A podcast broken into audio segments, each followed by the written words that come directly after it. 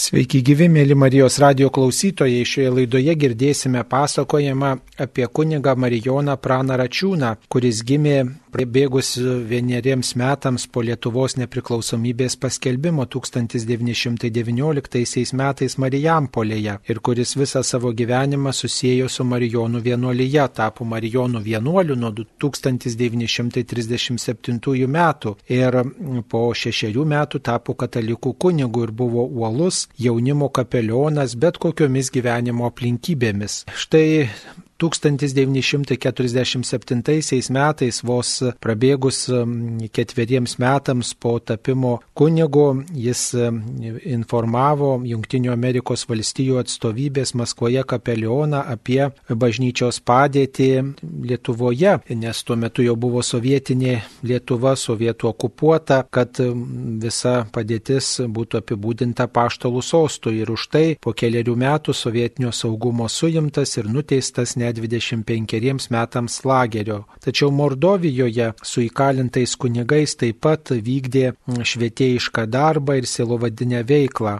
Ir netgi graikų unitų arkivyskupui, metropolitui Slypui padėjo renkti Ukrainos unitų istoriją. E, taigi jis garsėjo tokiu, na, dideliu upu ir noru palaikyti bažnyčią ir gelbėti iš visokių painių situacijų rūpėjo ir rūpinosi žmonių selovada įvairiomis net ir keiščiausiomis ir sunkiausiomis aplinkybėmis. 1972 metais kartu su tuomet dar kunigu Sigitu Tamkevičiumi pritarė Lietuvos katalikų bažnyčios kronikos leidimui ir joje bendradarbiavo ir buvo vienas pogrindinio periodinio leidinio užra redaktorių. Jis organizavo misijų darbą net visoje Sovietų sąjungoje, daugiausiai už Kaukazėje ir uoliai rūpinosi Lietuvoje katalikių moterų vienuolijomis ir stengiasi kovoti už žmogaus teisės. Taigi jis buvo antisovietinio pasipriešinimo dalyvis, uolus kovotojas ir vienas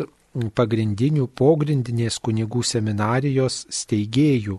Prasidėjus atgimimui ėjo Lietuvos Marijonų provincijolo pareigas ir taip pat pavadavo Maskvos Šventojo Liudviko bažnyčios kleboną. Lietuvoje darbavosi Varėnoje, Alituje, Gerdašiuose, Panevežyje, Palubiuose, Tabariškėse ir buvo Lietuvo žemės ūkio universiteto kapelionas, rūpinosi studentų ir dėstytojų sielovada, ekonomikos fakultete dėstė krikščioniškąją etiką. Marijono Prano Račiūno iniciatyva įsteigta universiteto koplyčia. Kuningas Vaclovas Aliulis e, Marijoną Praną Račiūną e, pavadino vienuolių nenuorama ir yra išleidęs tokio paties pavadinimo knygą vienuolis nenuorama. Kuningas Pranas Račiūnas net mirdamas meldėsi už bažnyčią ir už Lietuvo šeimas. Tai jo buvo didžiausias rūpestis, kad bažnyčia galėtų laisvai skelbti Kristų, atlikti savo misiją pagal savo pašaukimą ir kad Lietuvo šeimos būtų tvirtos. Kuningas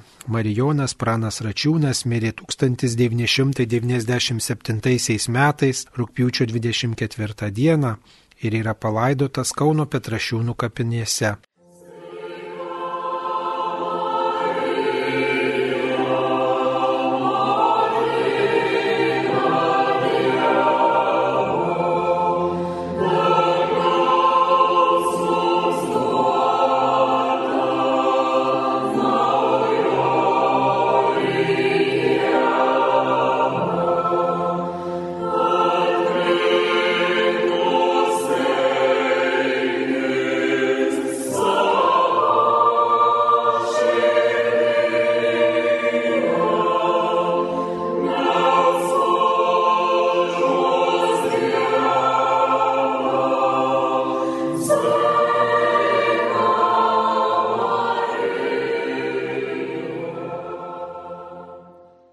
Šioje laidoje apie kunigą Praną Račiūną pasakoja habilituota humanitarinių mokslų daktarė, vyresnioji mokslo darbuotoja Aldona Prašmantaitė ir taip pat Kauno arkivyskupas kardinolas Sigitas Tamkevičius prisimena savo bendradarbį.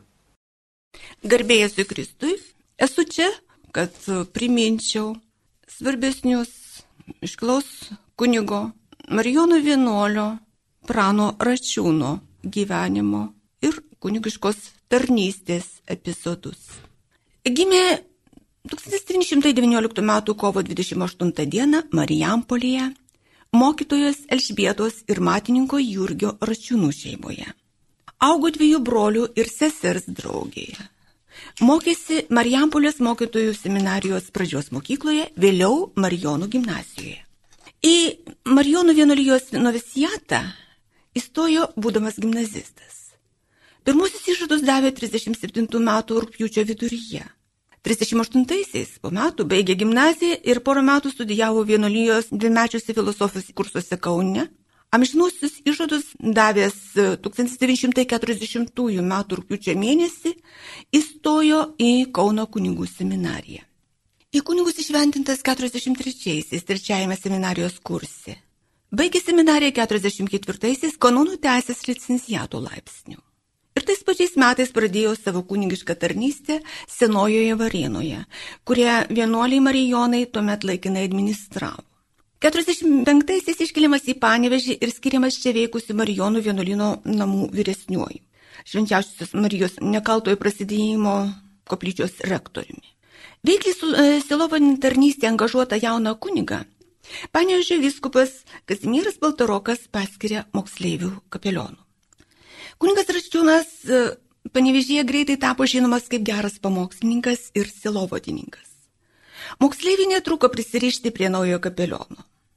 Kadangi tikybos pamokos mokyklose buvo uždraustos, rinkdavosi į mažytę Marijonų bažnytėlę. Kunigas Rašiūnas ėmėsi globoti mergaičių gimnazijoje, dabar tai Panevežio Vytauto Žemkalnių gimnazija, dar tebe veikusi ateitininkų organizacija, kurie iki pasitraukiant į vakarus vadovavo charizmatiškasis ateitininkų vadas kunigas Alfonsas Sušinskas. Netruko tapti šios moksleivių organizacijos spiritus movens.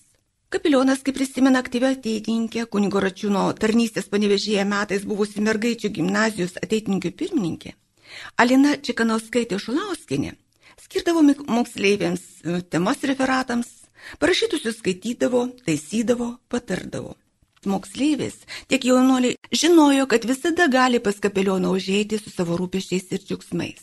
Ne vienam jų visam gyvenimo išliko kunigo pamokymai, o įdėktos tikėjimo tiesos tapo atspirtimi gyvenimo vingiuose.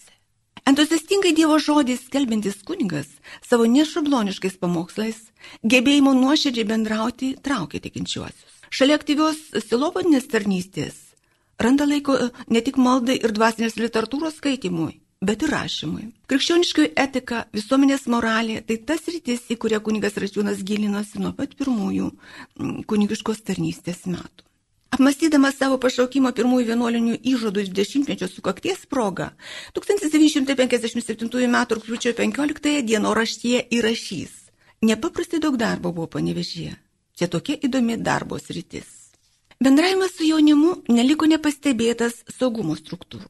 Kunigas nekarta dėl to buvo perspėtas. Vėlesni įvykiai leidžia teikti, kad e, sovietų specialiosioms tarnyboms buvo gerai žinoma apie jo vadovavimą ateitinkių organizacijai. Be to, iš Panevežio, kaip vėliau rašys savo autobiografijoje, 47 metų pavasarį atliko žygį į Maskvą, tam, kad susitiktų su Amerikos ambasados kapelionu kunigu Antuanu Laberžu ir per jį perduotų apaštalų sostų informaciją apie per pirmosius sovietinės okupacijos metus itin pablogėjusią katalikų bažnyčios padėtį Lietuvoje.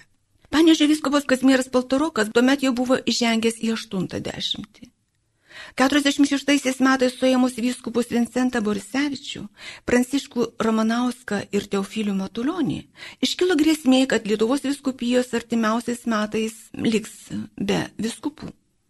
Tad viskupas Valdarokas ir viskupijos katedros kapitula įpareigojo kunigą Račiūną kreiptis į kunigą Laberžą, prašant tarpininkauti dėl paštalų sosto sutikimo, vieninteliam laisvėje esančiam viskupui Valdarokui konsekruoti kunigus viskupais pagalbininkais. Sovietinio saugumo struktūroms pradėjus intensyviai domėtis kunigo Račiūno veikla, panevežys turėjo palikti 47 metų rudenį buvo perkeltas į Kauną. Tarnavo Marijonų šventos Girdrūtos bažnyčioje, o ją uždarius kurį laiką buvusioje studentų bažnyčioje. Įtampa Tarp pasaulietinės valdžios atstovų ir veiklaus kunigo dar labiau išaugo.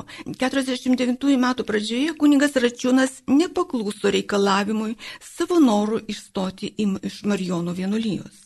Po tokio kibrokšto pasaulietinės valdžios atžvilgių jam viešai eiti kunigo tarnysės pareigas uždraudžiama.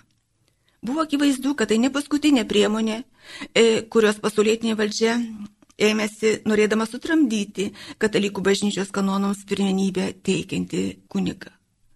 Paties kunigo Račiūno ir tuometės jo aplinko žmonių liūdėjimai leidžia teikti, kad nuojauta busės suimtas turėjo ir tam ruošėsi. Buvo suimtas 49 metų birželio 4 dieną, taigi praėjus kiek daugiau nei porą metų nuo testamento jaunimui surašymo ir dviejiems metams nuo jo susitikimo su Amerikos ambasados Maskvoje kapelionu kunigu Laberžiai. Lietuvos ypatingajame archyve saugomoje kunigo Račiūno baudžiamoje byloje yra 40 penki tardymo protokolai. Tad mažiausiai tiek kartų buvo tardytas. Jo pirmosius tardymus pradėtas klausinėti apie vadovavimą ateitininkėms, jų religiniai nacionalistiniai organizacijai, kaltintas sąmoningai auklėjęs jaunimą prieš sovietų valdžią, siekęs įtraukti nuo komunistinės ideologijos, kaltintas palaikęs ryšius su nacionalistiniu pogrindžiu ir jo ginkluotomis gaujomis, antisovietinių raštų rengimų ir platinimų ir be abejo žinių apie bažnyčios padėtį perdavinių kunigui Laberžė. Tardytas e, lietuvių kalba, dalyvaujant vertėjui, kuris vertė į rusų kalbą. Visi tardymo protokolai rašyti rusų kalba. Kiekvieno puslapio pabaigoje yra kunigo račiūno parašas, taip pat parašau tokia patvirtinta rezoliucija. Po Kazanėje zapisana smo jih slov pravilno. Parodymai užrašyti teisingai. Etin iškalbinga detalė. Tardymo protokoluose fiksuota tardymo trukmė ir laikas. Kiekvienas tardymas paprastai trukdavo 4-6 valandas. Neretai būdavo daroma pertrauka ir vėl tęsima. Dažnas posėdis vykdavo naktį. Antai birželio 7-ąją tardytas nuo pusės 12 iki 17 valandos po pietų. Po to nuo pusės 9 vakaro iki pusės penkių ryto.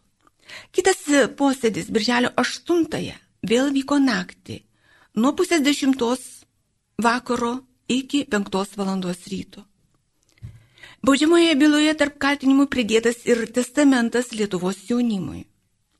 Bendrais bruožais galima rekonstruoti jo genezę ir patekimo į šitą bylą istoriją. Minėtoji veikliojoje panevežio ateitininkė Alina Čekanauskaitė Šulauskinė 49-aisiais jau studijavo mediciną Kaune ir gyveno pas tetą Bronislavo Kunevičinę Žaliakalnyje.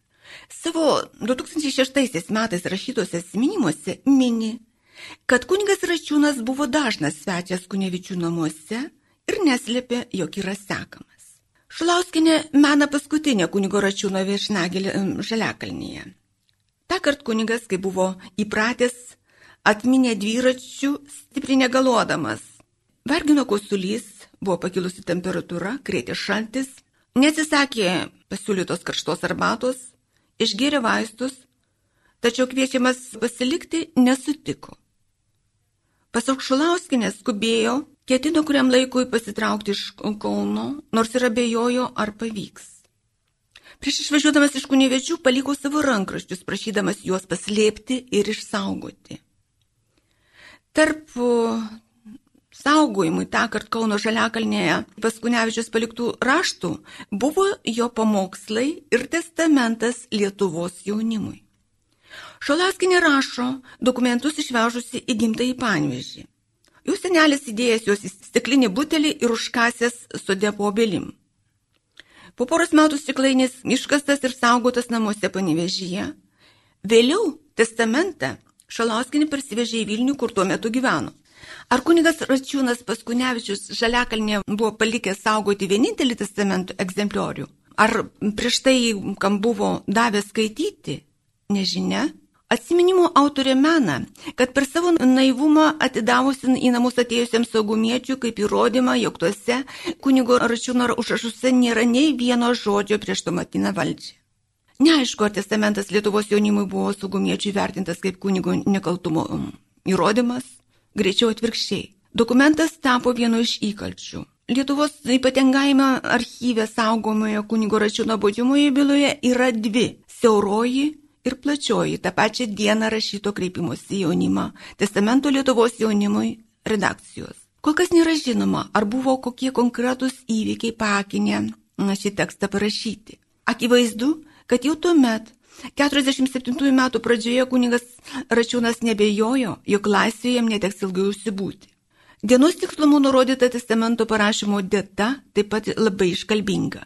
Rašyta panevežyje 47 metų vasario 16 dieną. Dokumentas įdomus ne vienu aspektu. Visų pirma, vertas dėmesio dėl paties turinio. Testamente punktais išdėstyta asmenybės savijauglos programa, kuri beje ir šiais vertybių radikalaus virsmų laikais galėtų būti pravarti katalikiško gyvenimo tradicijai angažuotam jaunimui. Antra, testamentas vaizdžiai apibūdina paties kunigo račiūno asmenybę, teikia žinių apie jo pastarasnės veiklos ypatumus. Akivaizdu, kad jaunimo ugdymo reikalai - doros problema. Kunigo račiūno rūpėjo nuo pat silovadinės tarnystės pradžios. Trečia, Dokumentas reikšmingas religinio gyvenimo tyrimui pokario Lietuvoje ir apskritai bažnyčios istorijos tuo metu Lietuvoje analizai. Baudžiamusios bylos tardymo protokolai - tai tik klausimai ir atsakymai. Nėra nei žodžio, kai buvo išgautas protokole užrašytas tardomojo atsakymas. Tačiau jeigu keturias valandas užsitęsusio tardymo protokolų užtekdavo vieno ar pusantro ranka rašyto A4 formato lapo, Akivaizdu, jog tardymo metu taikytas ne vien psichologinis spaudimas. Kokius kankinimus ir pasityčiajimus tuomet į ketvirtą savo žemiško gyvenimo dešimtmetį žengusiam kunigui Račiūnui teko ištverti per devynis kalinimo NKVD saugumo kalėjimo kameroje mėnesius, jau nesužinosime. Įrašas dienoraštėje apie suėmimą ir tardymus labai lakoniškas. Ištrėmimas iš Kauno Kalėjimas, baisus tardymus gyvenimui, Lūkiškis, Leningrado persintimo punktas. Apkaltintas šnipinėjimu ir antisovietinė veikla buvo nuteistas 25 metams sunkiųjų darbų. Kalėjo Varkutoje, Intoje, vėl Varkutoje, Taišėte, galiausiai Mordovijoje. Pirmosius ketverius metus Varkutoje dirbo šachtose, vėliau statybose. Į Mordovijos lagerius perkeltas 61 metais. Apgyvendintas taip vadintame pirmajame lageryje, kuriame valdžia subūrė nuo pasauliečių skirtus dvasininkus. Kanauninkas Petras Rauda, kalintas tame pačiame lageryje, yra parašęs atsiminimus, juos beje yra išleidusi Lietuvos katalikų mokslo akademija. Pasak kanauninko Raudos, iš lietuvių čia be jo tuo metu kalėjo. Kanauninkas Stasys Kiškis, tėvas jėzuitas Aleksandras Markaitis, kunigas Aleksandras Mocius, kunigas Antanas Jurgaitis, kunigas Alfonsas Varinskas, kunigas Pranas Račiūnas, kunigas Petras Jekulevičius, kunigas Jonas Balčiūnas, kunigas Juozas Adomaitis. Pasak kanauninko raudos, lagerininkai gyveno savo, savo gyvenimu, jokie baudimai bei baudos negelbėdavo, nors režimas kas kart vis stiprėjo, apogėjų pasiekdamas 62 metais. Lietuvių dvasininkai bičiuliausius tuo metu čia kalėjusiais Lenkų kunigais, Džepeskiu ir Kužinsku, palaikė gerus ryšius su graikų katalikų dvasininkais, kurių tuo metu lageryje buvo per 20. Stengiasi laiko tuščiai negaišti. Mažiausiai kartą per savaitę visi susėdavo, vienas referuodavo kokią nors temą, o kiti ją plėtoja įsitraukia į pokalbį. Tuose pokalbiuose dalyvaudavo ir Lenkų kunigai, būtų pakviečiami ir graikų katalikų dvasininkai. Lietuvių kunigai nekartą diskutavo apie bažnyčios būklę Lietuvoje. Per visą tremties laikotarpį, dirbdamas sunkius fizinius darbus, kunigas Rašiūnas neapleido ne tik dvasinio gyvenimo pareigų, bet ir rašto darbų. Tremtyje pradėjo rašyti diarijum, dienoraštį. Tęsė jį ir grįžęs į Lietuvą. Tremties laikų įrašai labai lakoniški. Būties realijų apskritai, galima sakyti, nėra. Įrašų datos rodytos, kad neretai mėnesių mėnesiais nepaimdavo dienoraščiai rankas. Tačiau tie trumpi sakiniai, neretai stiliaus ar net minties požiūrių nežvaigti, iškalbingai liūdėjo kuniga Račiūna visą tremties laiką gyvenus intensyvų dvasinį gyvenimą. Buvo įsitikinęs, kad kalėjimo laikas turi būti sunaudotas, kaip galint geriau sustiprinti vidaus gyvenimui, savo meilę jungiant su Kristaus meilė. Išsikėlė savo uždavinį apvaldyti save, bet nebūti aplinkos apvaldomam, nuosekliai ėjo tuo keliu. Antai 56 metų rugsėjo 8 pasižymėjo, ir čia kiek ilgesnis e, citata, turiu kuo artimiausia susaukti su Dievu, persisungti juo, šias kalėjimo sienas panaudoti pasiekti glaudesnį vienybę su Dievu. Laikas toks brangus. Todėl nuo ankstyvo ryto iki vėlyvo vakaro turiu išmokti gyventi giliu, kontemplatyviu gyvenimu, šalinti visas kliūtis, trukdančias man klėstėti ir nuolankia malda prašyti, kad Dievo šventoji dvasia užvaldytų mane lygi sielos gelmių. Viena iš priemonių - begalinis pasitikėjimas Dievo gerumu, gilus dėkingumas už laimę kentėti dėl jo, nuolatinis tedaum liaudamus, kančios ugniai deginant, gilus ryšys su Eucharistiniu Kristumi. Citatos pabaiga. Nevengia formuluoti konkrečių saviugdos uždavinių Antai rašė, esu pastebėjęs, kad man trūksta valios, susivaldymo darybės, tvarkingumo, todėl kaip tik tais mažais nusigalėjimais atliekamas su didelė meilė turiu užpildyti spragas. Arba kitos dienos įrašas. Čia vėl citata. Juntu, kad daug sveikatai kenkia melancholiška nuotaika. Su ją rimtai imsiu kovoti palaikydamas džiaugsmo nuotaiką savyje. Tada umliaudamus, nuolat kalbėdamas, užsiunčiamus kryžius. Viešpas nori, kad ir kančioje džiaugtumėmės. Niekada nesubijojęs dėl savo pasirinkto gyvenimo kelio, buvo įsitikinęs, bet kokiamis aplinkybėmis turys prisidėti prie Kristos gyvosios melės dvasios atgaivinimo tautos ir bažnyčios gyvenime. Kiekvienais metais atlikdavau vienuolijos regulos reikalavimas rekolekcijas. Yra išsitaręs, kad per visą tremties laiką šventų mišių negalėjęs aukoti tik tai porą mėnesių. Į Lietuvą parsivežė ir iki gyvenimo pabaigos kaip itin brango atminimą saugojo mažytė taurė, kurią naudojo aukodama šventas mišės specialiai tam iškirstoje šaktos nišoje. 57 metų rūpjūtį dienoraštėje dėsi savo kūrybinius planus. Rašė, pradėjau nuo asketikos. Šiuo metu jau einu, eina pabaigon jos pirmasis juodraštis. Toliau manau rinkti medžiagą šeimos dorovės ugdymo klausimų, tautos religinių ir dorovinio auklėjimo problemams žmonijos dorovinio lygio kelimas per katalikų bažnyčią. Tai didelė studija ir darbo programa.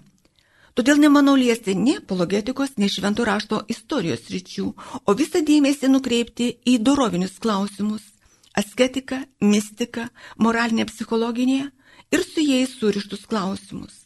Čia mane domina taip pat labai svarbi tėvams, auklėtojams ir dvasios vadovams pirmojo polimo psichologija. Po truputį ir čia rinkti medžiagą. Rūpinsiuos dar pagilinti anglų ir ispanų kalbas, nes norint turėti mokslinius ryšius su plačiu pasauliu, kaip tik gali būti labai naudingos. Citatos pabaiga. Niekada neprarado vilties grįžti į Lietuvą. Jo nuširdus būdas, gebėjimas bendrauti ir pasirengimas kiekvienam padėti, pasakyti pagodo žodį, kaip ir laisvės metais traukė prie jo žmonės. Slapta teikė dvasinius e, patarnavimus ne tik drauge kalėjusiems lietuviams katalikams, bet ir lenkams, vokiečiams, Viename iš Mordovijos lagerių sutikęs čia ištremtą graikų katalikų viskupą Juozapas Lipijų tapo jo nuodėmklausiu. Dar būdamas Varkutoje pradėjo versti lietuvių kalbą prancūzų kunigo Adolfo Tonkerį 1924 metais išleistą studiją Asketinės ir mistinės teologijos apibražos. Savo laiku tai būtų labai populiaraus, susilaukusio ne vieno leidimo ir vertimo į kitas kalbas veikalo. Kunigo Račiūno brolio Jurgio žmona Eugenija Gulbinaitė Račiūninė 2006 metais rašytose atminimuose mini kunigo iš lagerio jiems saugojimo siūstus storus vokus su savo rankraščiais. Taip Lietuvoje likusiems artimiesiems buvo atsiustas ko ne visas Tonkeriai veikalo vertimas. Šio prancūzų dvasinko apmąstymai ir sekant Tomo Akviniečio patiktos silos raidos pakopų interpretacijos Kunigo Račiūnai tapo pagrindiniu šaltiniu, dirbant prie savo sielos kultūra pavadinto veikalo. Grįžęs į Lietuvą lagerėje parengtame tekstą perrašė rašomąją mašinėlę į A5 formato lapelius. Dirbo prie sielos kultūros praktiškai iki paskutinių dienų, kas kart rasdamas ką pataisyti iki poros tūkstančių lapų išaugusime mašinraštyje. Iš tremties kunigas Račiūnas grįžo po 16 metų, 65-aisiais. Paskiriamas klebonų į Gerdašius, vėliau dešimt metų dirbo palubėse, tiek pat Alytoje. O tokios parapijos kunigo račiūno klebonavimo metais tapo nelegaliais aktyvaus dvasinio gyvenimo centrais. Lankydavosi slapta veikusi moterų vienolyjų seseris, atvykdavo norintis rinktis dvasininko kelią.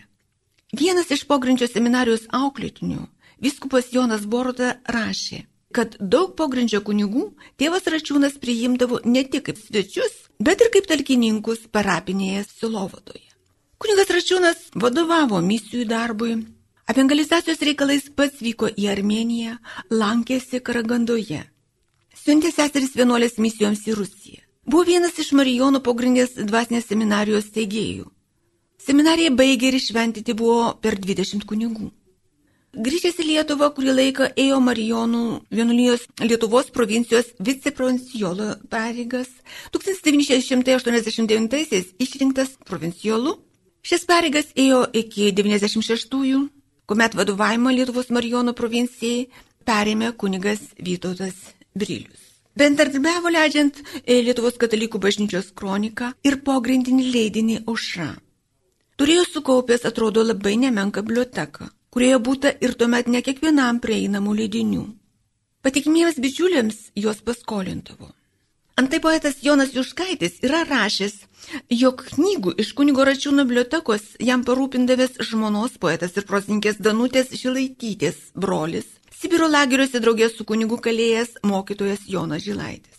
Gyventami Vėlionoje, Juškaičiai platino kroniką, patikimiems savo aplinko žmonėms duodavo paskaityti ir iš kunigo Račiūno bibliotekos pasiskolintų knygų. Lietuvoje 80-mečio pabaigoje prasidėjus atgimimui, kunigas Račiūnas aktyviai įsitraukė į sąjūdžio veiklą, buvo išrinktas į sąjūdžio tarybą. 90 metų pavasarį laiškė vyskupui Vincentui Brisgiui, iš kurio rankų 43 metais gavo kunigystės šventimus ir kuris nuo 44 metų gyveno emigracijoje, rašė, ir čia vėl kiek ilgesnė citata. E, turiu įvairiausių pareigų. Esu šiuo metu Lietuvos Marijonų provincijolas, Vilkaviški viskopo konsultorius, sąjūdžio Seimo narys. Dalyvaudami jo veikloje mes atlikome svarbius uždavinius, kurių neturėjo galimybės atlikti Lietuvos episkopatas. Kiek galėdamas rūpinosi ir visos Lietuvos bažnyčios reikalais, siekdamas padėti savo ir kitiems ganytojams, kurio išversti visokiais darbais. Mūsų pastoracinėje veikloje dar neįgyvendinta daugybė Vatikano antrojo ir naujojo kanono kodeksų nurodymų. Neturime mums reikalingos aktualios religinės ir dorovinės veiklos koncepcijos ir plano priderinto prie mūsų sąlygų. Neužtenka vyskupui kunigą išventinti, paskirti į parapiją ir palaidoti, bet turime nedėlstami pramatyti, ką turime nuveikti artimiausių laikų. Pavėlavus vienus kitus metus, mes galime netekti mums dabar palankios inteligentijos ir tautai vadovaujančios menų palankumo. Darbo begalės. Baisi mūsų inteligentijos religinė ignorancija, lydima jaunimo būdėjimuose religijos ir doros klausimais.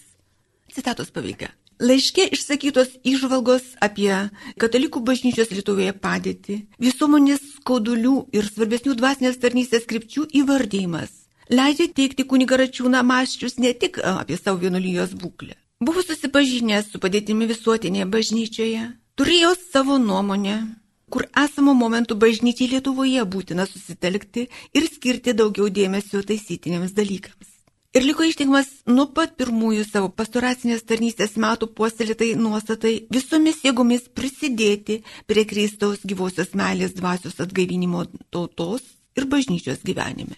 Iš laiko perspektyvos žiūrint, nežinia kada ir kaip, bet sugebėjo toliau dirbti prie lageriuose pradėtos studijos apie sielos kultūrą, toliau rinko medžiagą ir rašė katalikų bažnyčios Lietuvoje istoriją. 92 metais išleido Lietuvai nusipelniusiųjų biografinį žinyną mūsų švituriai. Klebonaudomas šalia Kauno esančioje Tabarškių parapijoje. Iš šią tarnystę buvo paskirtas 90-aisiais, kartu rūpinosi ir tuometės Lietuvo žemės ūkio akademijos studentų selovada, dėstė krikščionišką etiką, dalyvavo akademijos kultūrinėme gyvenime, bendravo su studentais. Tuometės Lietuvos žemės ūkio akademijos profesorius Aleksandras Kirka 2006 metais rašytuose atsiminimuose apie kunigą Račiūną meną kad kunigas tvirtai laikydavasis nuostatos, jog tik aukštos dorovės studentas gali tapti geru žemės ūkio specialistu. Visus stengiasi tai pabrėžti, puikiai suprasdamas, kad atgimstančios Lietuvos ateitis yra jaunimo rankose. Nepaisant, kad jo nuostatos tikėjimo, dorovės, tautinės, šeimos klausimus tuometiniam jaunimo atrodo per daug griežtos ir senamatiškos, nesiliovė ieškojas būdų užmėgsti ryšį. Norėjo geriau juos pažinti, parodyti ir atskleisti amžinųjų vertybių prasme. Ėjo į studentų bendrabučius, kalbėjo nuoširdžiai ir atvirai, norėjo suprasti kiekvieno būties studijų rūpeščius. Su daugeliu rasti bendros kalbos jam nepavykdavo. Vargu ar šius kunigo račiūno studentus būtų sudominęs jo panevežėje rašytasis minėtasis testamentas Lietuvos jaunimui. Matydamas radikalius vertybių pokyčius, kuningas Račiūnas labai dėl to pergyveno. Tačiau neprarado vilties ir iki pat paskutinių dienų tabariškose jaunimo reikalai jam buvo svarbus taip pat, kaip ir pastoracinės tarnystės panevežinėje metais.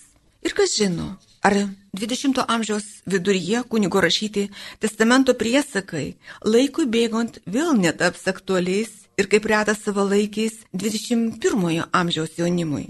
Amžinybė ir amžinusios vertybės nėra tik tai metaforinė savoka. Kuningas Račiūnas uoliai siekė padėti žmonėms priartėti prie begalinės tiesos ir grožio, savo patirtį perduoti ateities kartoms. Gydytoja Birutė Žemaitytė, viena iš kunigo Račiūno dvasios dukrų, mena, jo kunigui Račiūnui būdingas džiugus bendravimas, sveiko humoro derinys neretai atverdavo net nutolusiųjų nuo bažnyčios širdis.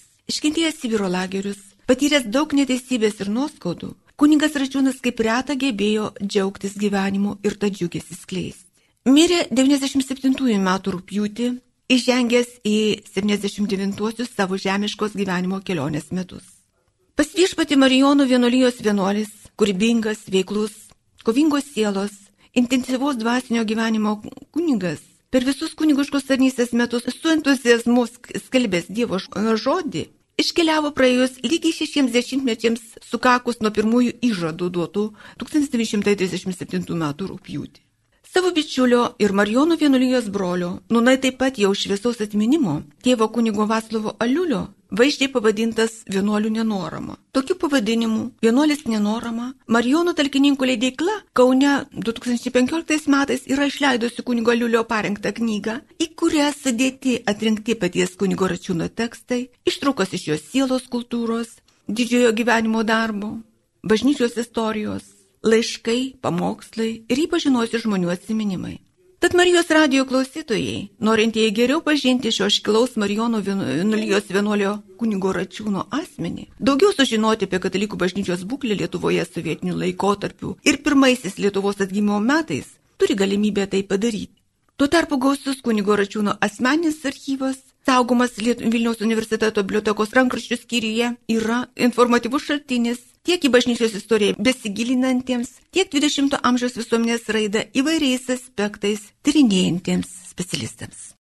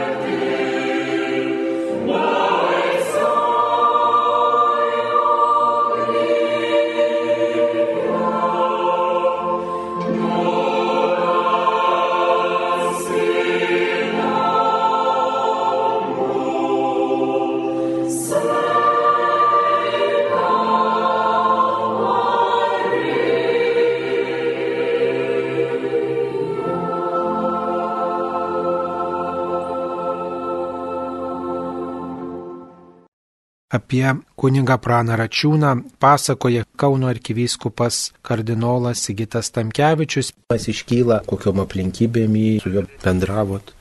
Per savo gyvenimą esu sutikęs daug kunigų. O ir kai šiandien dažnai girdim, kalbant apie kunigus, kad jie ten didžiausi nusidėliai, visi žodžius pilni nuodėmių, tai kai žvelgiu į tuos kunigus, kuriuos sutikau, aš matau visiškai tokį kitokį vaizdą. Kai nesutikau nei vieno kunigo, kuris būtų mane kažkur tai traukęs į blogą ar palikęs blogą pavyzdį. Priešingai, tikrai mano sutikti kunigai buvo labai šviesūs ir iš jų tai mokiaus pats kokiu būti, kaip tarnauti žmonėms. Ilgus metus teko bendrauti su kunigu Pranu Račiūnu. Mes buvom pagal vienuolišką pasirinkimą skirtingi, aš buvau Jėzaus draugijoje, Pranas Račiūnas buvo Marijonas, bet su juo ypač daug teko bendrauti ir tas bendravimas buvo labai konkretus. Vilkaviškio vyskupijoje e, buvom tokį suorganizavę kunigų būrelį, ten apie 15 kunigų, kurie paprastai kas mėnesį susitikdavom ir kalbėdavomės tuo metu aktualijomis, ką galima padaryti, kaip priešintis prievartai. Tai kunigas Pranas Račiūnas, toks tikrai labai intelektualus kunigas, jis tuose susitikimuose visada pažerdavo tokių gražių idėjų. Ar nebijodavot, kad tuo metu gali būti kokia pasiklausimo aparatūra ar dar kažkas įdėkta? Kažkaip apie tą mažiausiai mąstydavom, susitikdavom klebonijose, kur atrodė, kad ten tikrai to pasiklausimo nėra ir man atrodo, kad e, nesuklydom. Jie pasiklausimą įdėkdavo tik vienoj kitoj klebonijoje, nes tada nebuvo tokių modernių pasiklausimo priemonių, naudodavo telefoną, o telefonę įdėkti sudėtingiau, tai Tai ten kunigus Debskiai buvo įtaisę pasiklausimą, bet šiaip savo, kur susitikdavom, tai, tai man atrodo, kad to nebuvo. Tai pranas Račiūnas, kai leidau kroniką, jis tokią mintį iškėlė, kad būtų labai reikalingas leidinys tokia tautinė tematika ir pasiūlė galėtų būti atgaivinta užra leista caro priespaudos metais. Taigi jis pirmam numeriui parašė įžangos straipsnį ir 76 metais kronikos redakcija pradėjo leisti aušrą. Tai kad atsirado aušra, tai tikrai buvo didžiulis nuopilnas būtent kunigo Prano Račiūno. Račiūnas labai rūpinos vienuolijom. Jis ten per kardinolą Višinskį buvo gavęs tiesiog tokį įgaliojimą rūpintis moterų vienuolyjom ir padėjo atnaujinti konstitucijas.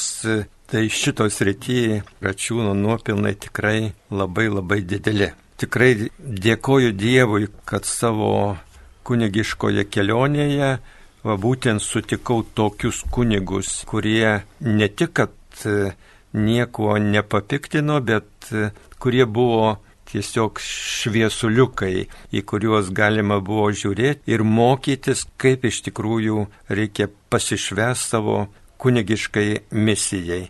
Mano asmeninė patirtis e, yra kitokia. Dauguma kunigų tikrai buvo tokiam labai gražiam aukštam lygiai. Mėly Marijos radio klausytojai, šioje laidoje girdėjote pasakojimą apie kunigą Marijoną Pranaračiūną, kuris e, buvo pavadintas vienuolių nenuorama, uolus kovotojas už žmogaus teisės, tikinčiųjų e, gynėjas, tas, kuris rūpinosi visos Lietuvos žmonių tikėjimų ir net toli už Lietuvos ribų, lageriuose, tremtyse rūpinosi, kad žmonės neprarastų tikėjimo. Apie kunigą Marijoną pasakojo habilituota humanitarinių mokslų daktarė vyresnioji istorijos instituto mokslo darbuotoja Aldona Prašmantaitė ir Kauno arkivyskupas emeritas kardinolas Sigitas Tamkevičius. Tegul šviesių asmenybių atminimas, jų paliktas pavyzdys įkvėpia ir mus išlaikyti tvirtą tikėjimą. Ačiū sudė.